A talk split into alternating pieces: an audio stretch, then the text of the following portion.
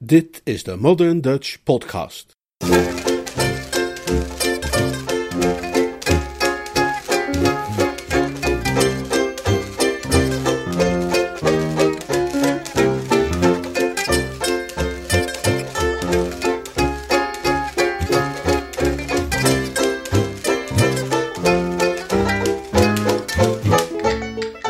De Pompoenhoeder. Een verhaal van P.G. Woodhouse uit de bundel Lord Emsworth bedoelt het goed.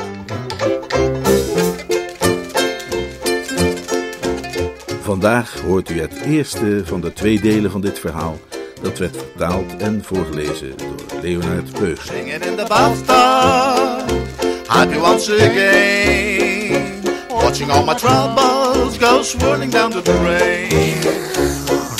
Singing through the suds, life is full of hope. With feeling for the show.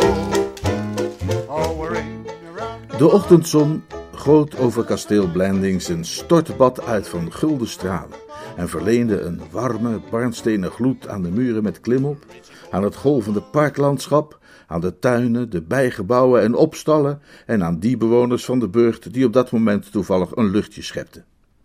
Het verlichtte de groene gazons en de uitgestrekte terrassen, het nobel geboomte en de kleurige bloembedden. Het viel langs achter op de morsige broek van Angus McAllister, oppertuinman van de negende graad van Emsworth, die zich met gestrenge Schotse onverzettelijkheid bukte om een slak te ontrukken aan zijn dromerijen tussen de slablaren. Het viel op de wit-flanellen pantalon van jonker Freddy Threepwood, Lord Emsworth's tweede zoon, die zich voorthaastte over de beekweide. Het viel ook op Lord Emsworth zelf en zijn trouwe butler Beach. Zij bevonden zich op het torentje boven de westelijke vleugel van het kasteel. De eerste met zijn oog gedrukt tegen een krachtige sterrenkijker. De tweede met in zijn hand de hoed die hij had moeten halen. Eh, eh, eh, Beach, zei Lord Emsworth. Melord. Ik, eh, ik ben opgelicht. Dit, dit, dit bliksemse ding doet het niet. U krijgt geen helder beeld, Melord? Ik, eh, eh, eh, eh, eh, ik zie geen steek, verdorie. Dus alles zwart. De butler was een scherp waarnemer. Wanneer ik het kapje zou verwijderen, melord, dat het uiteinde van het toestel bedekt, zou wellicht een meer bevredigend resultaat kunnen worden bereikt. Hm, hm, kapje? Eh, z- zit er een kapje op? Ja, verdraait zich. Haal eraf, Beach. Uitstekend, milord. Ha, ha!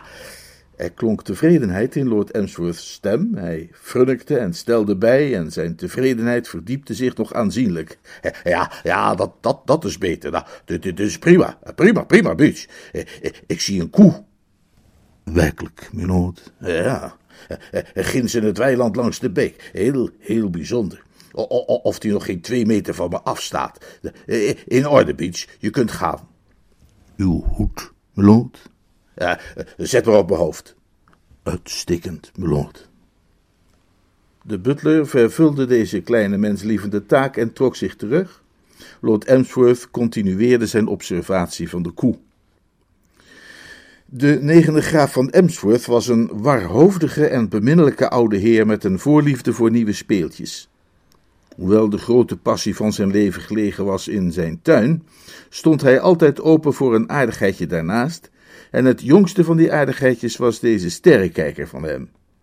In een vlaag van enthousiasme, na het lezen van een artikel over sterrenkunde in een maandblad, had hij hem in Londen besteld en gisteravond was hij hier geïnstalleerd. Wat wij op dit moment meemaakten was zijn proefronde. De koe evenwel begon zijn populariteit bij het publiek reeds enigszins te verliezen. Het was een hele goede koe, voor een koe, maar als bij zoveel koeien ging er weinig dramatische fascinatie van haar uit. Lord Emsworth raakte na enige tijd verzadigd van de aanblik van haar gestaag herkauwen en haar glazig staren naar niets, en hij besloot het toestel langzaam rond te bewegen in de hoop iets voor de lens te krijgen dat wat meer sensatie bood. Nauwelijks was hij daaraan toe, of jonker Freddy trad zijn gezichtsveld binnen. In blinkend wit snelde hij over de grazige velden als een van Theocritos herders, haastig op weg naar zijn afspraakje met een nimf. Een plotselinge frons ontsierde Lord Emsworth tot dan toe ongeplooide voorhoofd. Het was zijn gewoonte geworden te fronsen wanneer hij Freddy in het oog kreeg, want in de loop van de jaren was die jongen een steeds groter bezoeking geworden voor een bezorgde vader. Anders dan de kabeljauw, die onverwacht tot de liefhebbende ouder gebombardeerd van 3.500.000 kleine kabeljauwtjes, ze allen welgemoed in zijn hart sluit, is de Britse aristocraat geneigd zijn jongere zonen met een licht wantrouwend oog te bezien. En Freddie Fleetwood was een van die jongere zonen die een lichte wantrouwendheid der ogen nogal bevorderde. Het gezinshoofd was van mening dat er met de knaap geen land te bezeilen was. Als men hem toestond in Londen te gaan wonen, dan bouwde hij razendsnel allerlei schulden op en kwam van kwaad tot erger. Bond men hem aan de heilzame omgeving van kasteel Blandings, dan maakte hij het huis onveilig door er met onheilspellende blik rond te dwalen. Hamlet moet op Elsinore zo ongeveer hetzelfde effect gehad hebben op zijn stiefvader als Freddie Threepwood op Blandings had op Lord Emsworth. En wat de laatste ertoe bracht zijn telescopische blik op hem gericht te houden, was dus ongetwijfeld de geheimzinnige opgewektheid in zijn gedrag. Zijn houding, die op dit moment verbazingwekkend vrij leek van de gebruikelijke druilerige droefenis. Een stemmetje van binnen fluisterde Lord Emsworth in dat deze opgeruimd en glunderend rondstappende jongeling wel even in de gaten gehouden mocht worden. Het stemmetje had groot gelijk. Binnen dertig seconden werd het bewijs geleverd. Franco huis. Nauwelijks had Lord Emsworth tijd gehad om te wensen, zoals hij altijd wenste wanneer hij zijn nakroost aanschouwde, dat Freddy iets heel anders geweest zou zijn op het punt van manieren, overtuiging en verschijning, en bovendien de zoon van iemand anders, die een flink eind weg woonde, toen uit de bosjes aan de overzijde van het weiland plotseling een meisje opdook. En Freddy, na een voorzichtige blik over zijn schouder te hebben geworpen, wierp onmiddellijk zijn armen rond het kind in een liefdevolle omhelzing. Lord Emsworth had genoeg gezien. Hij deinsde achteruit, weg van de verrekijker, een gebroken man. Een van zijn favoriete dromen ging over een leuk, fatsoenlijk meisje met iets van eigen geld, dat op een goede dag voorbij zou komen en hem van Freddy zou verlossen. Maar dat stemmetje van binnen, zelfverzekerder dan ooit, zei hem dat dit dat meisje niet was. Freddy zou nooit in het geniep zijn weggeslopen voor stiekeme afspraakjes met leuke, fatsoenlijke meisjes. En ook kon hij zich moeilijk voorstellen dat een leuk, fatsoenlijk meisje bij haar volle verstand zo enthousiast in Freddy's armen zou vliegen. Nee, er was maar één verklaring mogelijk. In de kloosterachtige afzondering van Blandings, ver van de wereldstad, met alle desbetreffende voorzieningen voor dat soort aangelegenheden, had Freddy het op bestaan om in een liefdesgeschiedenis verwikkeld te raken. Ziedend van woede en smart haastte Lord Emsworth zich de trap af naar buiten het terras op. Daar stroopte hij rond als een wat oudere luipaard, die wacht tot het voedertijd is, tot met de tijd een wit gefladder zich voordeed tussen het geboomte langs de oprijlaan en een vrolijk gefluit de nadering verkondigde van de linkervogel. Het was met bittere en vijandige blik dat Lord Emsworth zijn zoon zag naderbij komen. Hij drukte zijn knijpbrilletje stevig op zijn neus en ontwaarde met behulp daarvan hoe een sullige grijns van zelfingenomenheid het gezicht van de jongeling verlichtte en hem de uitdrukking verleende van een gelukzalig schaap. In des jongelings knoopsgat pronkte een ruikertje van eenvoudige weidebloemen dat hij onder het lopen telkens met liefhebbende hand even aanraakte. Uh, Frederik! brulde zijn edelheid. De schurk van het stuk hield abrupt zijn pas in. In een rozige trance verzonken, had hij zijn vader niet opgemerkt. Maar dermate zonnig was zijn stemming dat zelfs deze ontmoeting hem niet kon versomberen. Hij dartelde vrolijk dichterbij. Ha, hallo, ouwe heer, kwinkeleerde hij. Hij doorzocht razendsnel zijn geheugen op zoek naar een prettig onderwerp van gesprek. Iets dat bij dit soort gelegenheden altijd een beetje een probleem is. Uh, uh, lekker weertje, niet? Zijn edelheid liet zich niet verleiden tot een gedachtenwisseling over de weersomstandigheden. Dreigend kwam hij een stap dichterbij, en hij deed daarbij sterk denken aan de man die de kleine prinsjes heeft geworgd in de tower. Frederik, verlangde hij te weten, wie, wie, wie was dat meisje? Jonker Freddy verkrampte van ontsteltenis. Het was alsof hij met veel moeite iets groots en stekeligs doorslikte. Eh, een meisje? huiverde hij. Eh, Een meisje? Eh, Een meisje, ouwe heer? Ja, dat, dat, dat, dat meisje dat ik je tien minuten geleden zag, zag zoenen in de beekweide. Oh, zei jonker Freddy. Hij poseerde even. Oh, ja, ja. Hij poseerde weer even. Ja, Ja, dat, eh dat had ik je net willen vertellen, ouwe heer. Oh, had jij dat? Nou, dat is helemaal in orde, hoor. Oh ja, joh, keurig. Allemaal eh, hartstikke voor elkaar, oh. Eh, niks mis mee, hoor, eh, wil ik maar zeggen, of dat soort dingen. Dat is namelijk eh, mijn eh fiancé. Een felle jammerklacht ontsnapte Lord Emsworth, alsof een van de bijen die rondom in de lavendelbedden zoemden, hun drukke bezigheden een ogenblikje hadden gestaakt om hem een steek in de nek te geven. Ah, en, en, en wie is zij dan wel? Donderde hij. Wie is die vrouw? Eh, eh, haar naam is eh, Donaldson. Ja, maar wie is ze? Aggie Donaldson. Aggie eh, is een afkorting van Niagara. Haar oude lui zijn bij die watervallen op huwelijksreis geweest, heeft ze me verteld. Ze is, Amerikaanse en zo. Gekke namen geven ze in Amerika aan kinderen, hè? Freddy babbelde leeghoofdig door. Ik bedoel maar, Niagara. nou vraag ik je. Wie is ze? Eh, Ze is hartstikke bij de hand, weet je. Het, het gek slim, je zult er een schat vinden. Wie is ze? En ze kan saxofoon spelen. Wie Wilde Lord Emsworth voor de zesde keer weten. is ze? En, en, en, en waar ben je haar tegengekomen? Freddy kuchte. Die gevoelige gegevens, merkte hij nu wel, konden niet langer worden achtergehouden. En hij was er zich pijnlijk van bewust dat het hier informatie betrof die niet in de goed nieuwsklasse viel.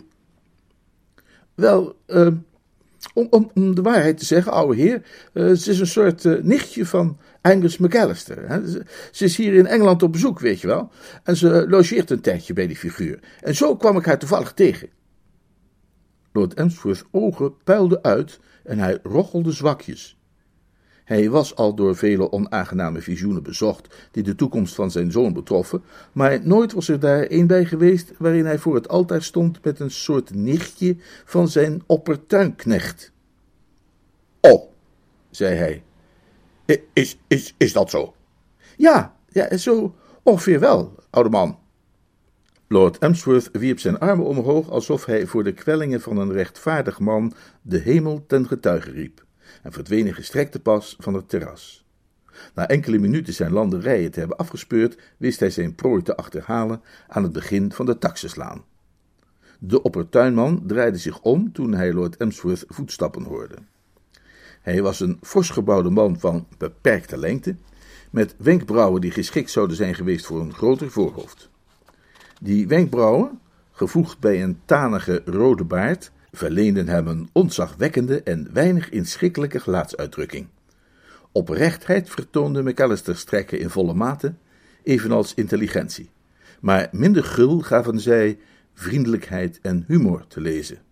Maar, maar, McAllister, zei Lord Emsworth, zonder verdere inleiding tot de kern gerakend van zijn voordracht. dat, dat meisje. Je, je moet haar wegsturen. Een blik van verbijstering omwolkte het geringe deel van McAllister's fysionomie dat niet achter zijn baard en wenkbrauwen verscholen was. Meisje? Dat, dat, dat meisje, dat, dat bij jou logeert, dat, dat, dat moet weg. Waarheen? Lord Emsworth was niet in de stemming om Piet Luttig te doen over details. Ja, eh, waar dan ook heen, zei hij. Ik, ik, ik, ik wil haar hier geen, geen, geen dag langer hebben. Waarom? informeerde McAllister, die in dit soort dingen graag de onderste steen boven wou hebben. Ja, dat, dat, dat, dat doet er niet toe. Je, je, je moet haar onmiddellijk wegsturen. De heer McAllister bracht een onoverkomelijk bezwaar naar voren. Ze geeft me twee pond per week. zei hij eenvoudig. Lord Emsworth knarste niet met zijn tanden, want dat was niet helemaal zijn stijl van expressie, maar wel sprong hij zo'n centimeter of twintig de lucht in, waarbij hij zijn pince-nez verloor. En hoewel normaal gesproken een redelijk en flexibel mens, als moderne graaf er zich volkomen van bewust dat men zich beter tweemaal kon bedenken voor men zijn employés ook maar enigszins feodaal tegemoet trad, mat hij zich ditmaal de ongeremde, bittere vreedheid aan van de grootgrondbezitter uit het vroege Romaanse tijdperk die een lijfeigene op zijn nummer zet. Luister eens, McAllister, luister jij eens hier. Hè?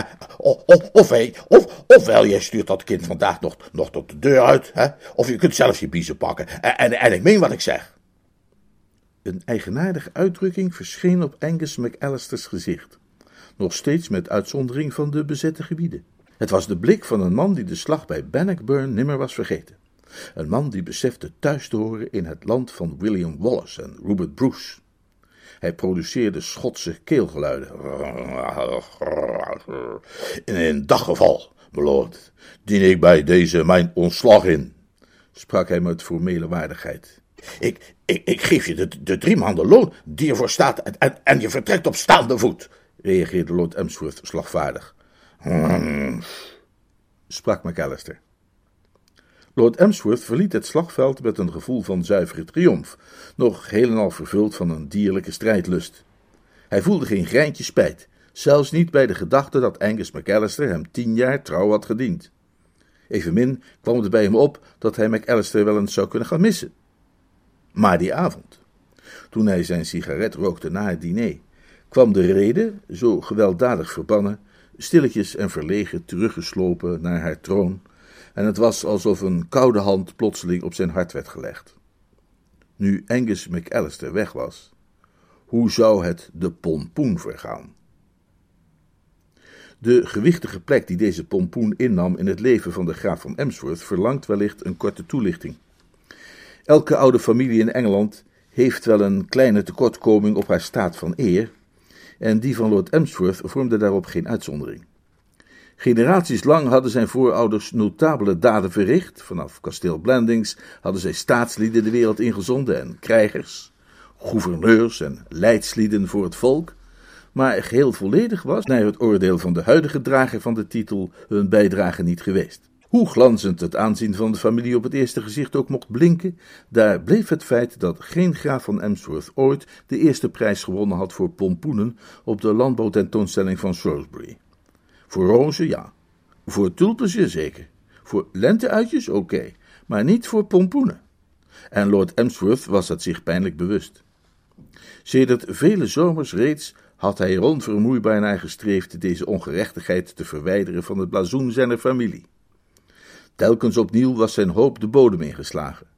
Maar dit jaar was de overwinning tenslotte in zicht gekomen, want Blandings was verwaardigd met een mededinger van zulke verbazingwekkende omvang dat zijn edelheid, die de vrucht praktisch vanuit de pit had zien opgroeien, zich niet kon voorstellen nog te zullen falen. Nooit of te nimmer zei hij tegen zichzelf, telkens als hij haar gulden rondingen bewonderde, zou zelfs Sir Gregory Parslow Parslow van Matchingham Hall, in drie achtereenvolgende jaren de ongeslagen kampioen, in staat zijn iets te kweken dat ook maar de geringste uitdaging kon betekenen voor dit excellente gewas. En het was van deze sublieme pompoen dat hij het welzijn in de waagschaal had gesteld door Angus McAllister te ontslaan. Angus was immers zijn officiële trainer. Hij begreep die pompoen, ja, werkelijk. Op zijn teruggehouden Schotse wijze leek hij zelfs van hem te houden. Nu Angus ver weg was, wat zou de oogst zijn? Dat waren zo Lord Emsworth overwegingen toen hij de balans opmaakte.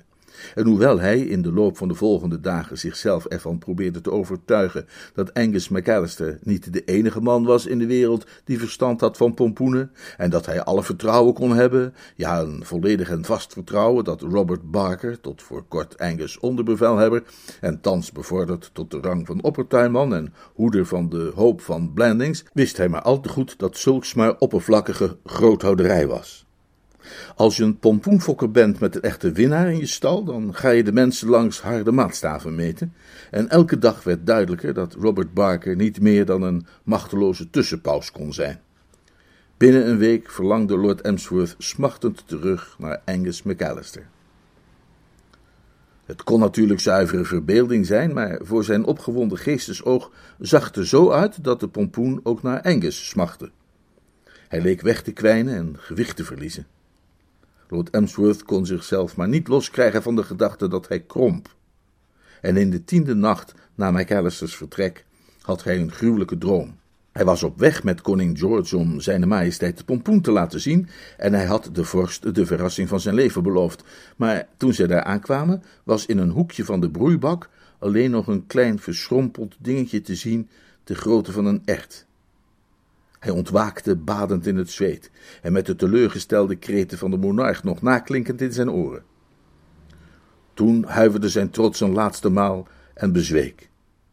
Angus opnieuw aan te stellen zou een nederlaag betekenen, maar het moest geschieden.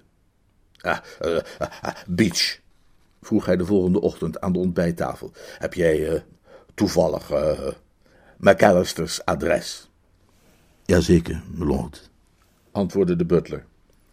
Hij is in Londen en heeft domicilie gekozen aan Buxton Crescent nummer 11. Bah, Buxton Crescent? Nooit van gehoord. Het is, naar ik veronderstel, lord, een logement of dergelijke inrichting in een van de straten rond Cromwell Road. McAllister placht daar zijn hoofdkwartier te vestigen bij zijn bezoeken aan de grote stad, in verband met de ligging nabij de tuinen van Kensington. Hij vertoefde graag, zei Beach met respectvol verwijt in zijn stem, want Angus was negen jaar lang een vriend voor hem geweest, in de omgeving van bloemen. Twee telegrammen, die in de loop van de volgende twaalf uur daar doorgegeven werden, veroorzaakten allerlei praatjes in het postkantoor van het stadje Market Blandings. Het eerste luidde McAllister, Buxton Crescent 11, Cromwell Road, Londen. Keer onmiddellijk terug, Emsworth. En het tweede, Lord Emsworth, Kasteel Blandings, Shropshire, Nooit. McAllister. Lord Emsworth had een stel van zulke hersenen die maar één gedachte tegelijk aan kunnen, maximaal. En de mogelijkheid dat Angus McAllister zou kunnen weigeren terug te keren was niet bij hem opgekomen. Het was lastig zich dit nieuwe probleem langzamerhand te realiseren, maar uiteindelijk lukte het hem. Voor de avond viel had hij zijn plan getrokken. Robert Barker, dat gekrookte riet, zou nog een dag of wat het bevel moeten voeren, maar ondertussen zou hij zelf naar Londen gaan en daar een echte oppertuinman inhuren. De beste oppertuinman die er maar voor geld te koop was. Het was de mening van Dr. Johnson dat Londen alles bevatte dat het leven kan verlangen. Een man, was zijn stelling, die Londen beu is, is het leven beu. Was Lord Emsworth bekend geweest met deze opvatting, dan zou hij die heftig bestreden hebben. Hij haatte Londen. Hij walgde van de Londense mensenmassa's, van de Londense geuren, van de Londense geluiden, van de bussen, van de taxis en van de verharde straten. En bovenop al die andere gebreken leek die miserabele stad ook nog eens geen enkele fatsoenlijke oppertuinman te kunnen leveren. Hij was van het ene bemiddelingsbureau naar het andere getrokken, had gesprekken gevoerd met de ene na de andere kandidaat en geen enkele van hen kon ook maar in de verste verte aan zijn eisen voldoen. Hun gezichten stonden hem niet aan en hun referenties vertrouwde hij niet. Het is hard om te zeggen van wie dan ook, maar hij mocht een boon zijn als de beste die hij had gezien niet van hetzelfde niveau was geweest als Robert Barker. Het was zodoende, in een zwarte en bittere stemming, dat Lord Emsworth op de derde dag van zijn bezoek na een sobere lunch in de Senior Conservative Club op de stoep in de zon stond en zich afvroeg hoe hij eens hemelsnaam de middag verder door zou moeten brengen. Hij had de ochtend doorgebracht met het afwijzen van oppertuinlieden en de volgende lading zou pas morgen vroeg worden afgeleverd. En wat was er voor een man van beschaafde smaak, naast het afwijzen van oppertuinlieden, te doen in een hopeloze stad als deze? Daar schoot hem plotseling een opmerking te binnen die zijn butler Beach gemaakt had die ochtend aan de ontbijttafel, over bloemen in de tuinen van Kensington. Hij zou naar de tuinen van Kensington gaan om naar de bloemen te kijken. Hij stond op het punt een taxi naderbij te wuiven uit de rij verderop in de straat, toen uit Hotel Magnificent aan de overkant plotseling een jonge man tevoorschijn kwam. Die jongen begon de straat over te steken en toen hij dichterbij kwam, kreeg Lord Emsworth steeds sterker het gevoel dat er in zijn hele verschijning iets merkwaardig vertrouwds was. Hij moest een lang ogenblik turen voordat hij zijn ogen kon geloven, maar vervolgens schoot hij onder een geluidloze uitroep de treden van de stoep af, op hetzelfde moment dat de ander die begon te beklimmen. Oh, hoi, ouwe heer, riep jonker Freddy uit, duidelijk geschrokken. Wat, wat, wat doe jij hier? vroeg Lord Emsworth dwingend. Zijn stem klonk verhit en terecht. Na verscheidene geestrijke escapades die nog luid narinkelden in het geheugen van een vader die de rekeningen had moeten betalen, was Londen voor Freddy de verboden stad. Het jongmens was duidelijk niet op zijn gemak. Hij zag eruit als iemand die in de richting van een levensgevaarlijke machine gedreven wordt, waarvan hij tussen de raderen vreest te zullen raken. Hij schuifelde even een ogenblik nerveus met zijn voeten en wreef vervolgens met zijn linkerschoen over zijn rechterkuit. Uh, nou, uh, het, zie, uh, het punt is, ouwe heer. Je, je, je weet dat het je verboden is om in Londen te komen. Ja, absoluut, ouwe heer, maar daar gaat het, gaat het even niet om. En, waarom iemand die niet helemaal geschift is, sowieso naar Londen zou, zou willen komen, hè, als, hij, als, als op blending zou kunnen zijn. Ja, nee, ik weet het, ouwe heer, maar waar het even om gaat. Zover gekomen zette Freddy zijn dwalende voet terug op het plaveisel, tilde zijn andere op en wreef over zijn linkerkuit. Ik wilde je even spreken. Uh, ja, ik, ik, ik wilde je dringend even spreken. Dat was niet helemaal juist. Het allerlaatste wat jonker Freddy eigenlijk wilde was zijn vader spreken. Hij was naar de Senior Conservative Club gekomen om er een zorgvuldig geformuleerd briefje achter te laten. Zijn opzet was geweest om meteen na bezorging van dat briefje er als een haas vandoor te gaan. Deze onvoorziene ontmoeting had zijn plannen wat in de war gebracht. Maar met mij spreken? vroeg Lord Emsworth. Hoezo? Nou, ik moet je uh, iets vertellen, Nieltje. Ja, ik neem aan dat het van dusdanig belang is dat, dat, dat het je komst naar Londen recht tegen mijn nadrukkelijke wens in rechtvaardig. Oh ja, oh ja, ja, ja, oh, oh zeker, het is, het is hartstikke belangrijk. Ja, nou, om het maar botweg te zeggen, uh, echt hartstikke belangrijk. Uh, luister eens, ouwe heer, ben je een beetje goed in conditie om, om iets van een schok te kunnen verdragen? Een afschuwelijke gedachte schoot Lord Emsworth door het hoofd. Freddy's geheimzinnige komst hier, zijn merkwaardig gedrag, zijn vreemde aarzeling en onzekerheid, dat zou toch niet betekenen. Koortsachtig greep hij naar de arm van zijn zoon. Frederik, vertel het me. Zeg op, zijn, zijn de katten eraan geweest? Lord Emsworth had een idee fix, en geen enkel argument had hem daarvan af kunnen brengen, dat katten op de een of andere manier de macht bezaten zijn pompoen onheil te bezorgen, en voortdurend op de loer lagen tot ze hun kans schoon zagen dat ook te doen. Een van het troepje snelle jagers uit de stallen was eens afgedwaald naar de moestuin en was begonnen Lord Emsworth, die daar naar de hoop van Blending stond te staren, eens gezellig langs de benen te strijken. De reactie van de burchtheer zou het dier nog lang en pijnlijk heugen. Freddy staarde hem aan. Katten? Hoezo? Waarom? Wat dan? Welke katten? Frederik, is er iets mis met, met, met de pompoen?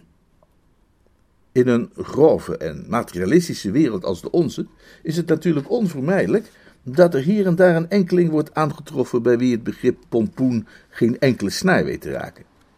Jonker Freddy behoorde tot die kleine categorie.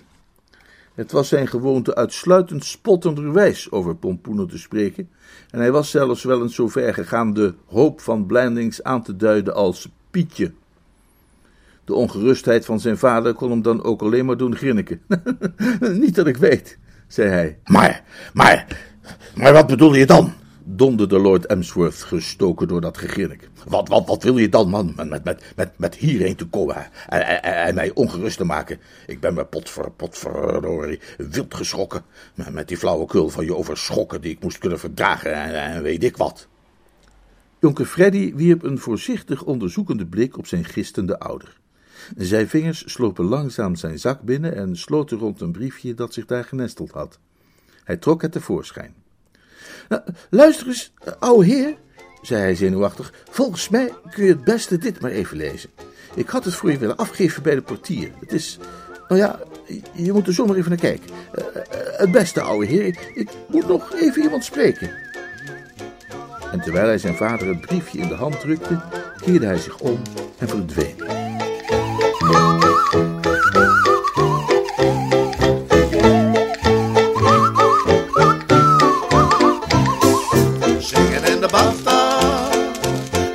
Once again. Watching all my troubles go swirling down the drain.